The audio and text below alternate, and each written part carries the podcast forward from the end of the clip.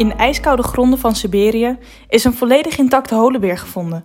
De vondst van het prehistorische dier is van wereldbelang. Al eerder zijn er resten van een holenbeer gevonden, maar nog nooit in zo'n goede staat. Organen, huid en snuit zijn nog aanwezig. Maar hoe is het mogelijk dat de holenbeer in zo'n goede staat bewaard is gebleven? We spreken met historicus Paul de Haan. Die je, die hebt gemaakt, die in ijs is opgeslagen. En dat noemen ze eigenlijk abiotische omstandigheden. Abiotisch betekent eigenlijk dat er extreme omstandigheden zijn omtrent zo'n uh, zo'n uh, zo'n dier die dan dood is gegaan. En dan zie je dat hier bij bijvoorbeeld bij zo'n holenbeer dat die temperatuur zo laag is. Um, en dat die uiteindelijk dus ook in het ijs uh, terechtkomt dat dus in plaats van rotting of, uh, of bederving, dat daar de humidificatie plaatsvindt. Dat betekent dus dat eigenlijk die, dat ontbindingsproces, dat dat stil komt. De holenbeer is dus goed ingevroren geweest, aangezien hij waarschijnlijk tussen de 22.000 tot 39.000 jaar geleden heeft geleefd.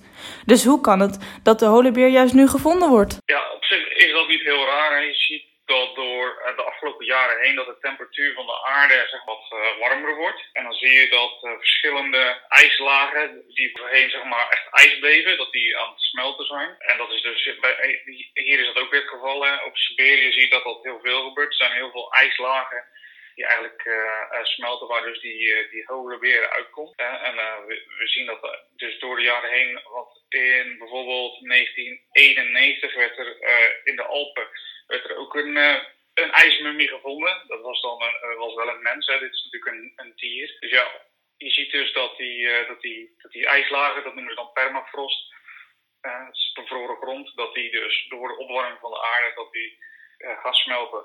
En ook die permafrost heeft bijvoorbeeld verschillende lagen um, in de aarde zitten, waaraan je dus ook kan zien welk tijdperk het omgaat. Dat is eigenlijk waarom je ziet dat die holenbeer nu is gevonden. Zou je dus kunnen stellen dat het mogelijk is dat we de komende decennia meer uitgestorven dieren tegen gaan komen? Ja, hoe meer de, de aarde opwarmt, hoe meer ijslagen, die voorheen dus uh, permanent bevroren bleven, hoe meer van die ijslagen natuurlijk ontdooien, hoe meer je natuurlijk ook weer terugvindt. De holenbeer is intact. Zou het DNA nog gebruikt kunnen worden om bijvoorbeeld het dier te klonen? Ja, de vraag is ook hoe moet je het willen. Hè? Ik bedoel, de natuur heeft in dit geval ook gekozen om hem uit te laten sterven.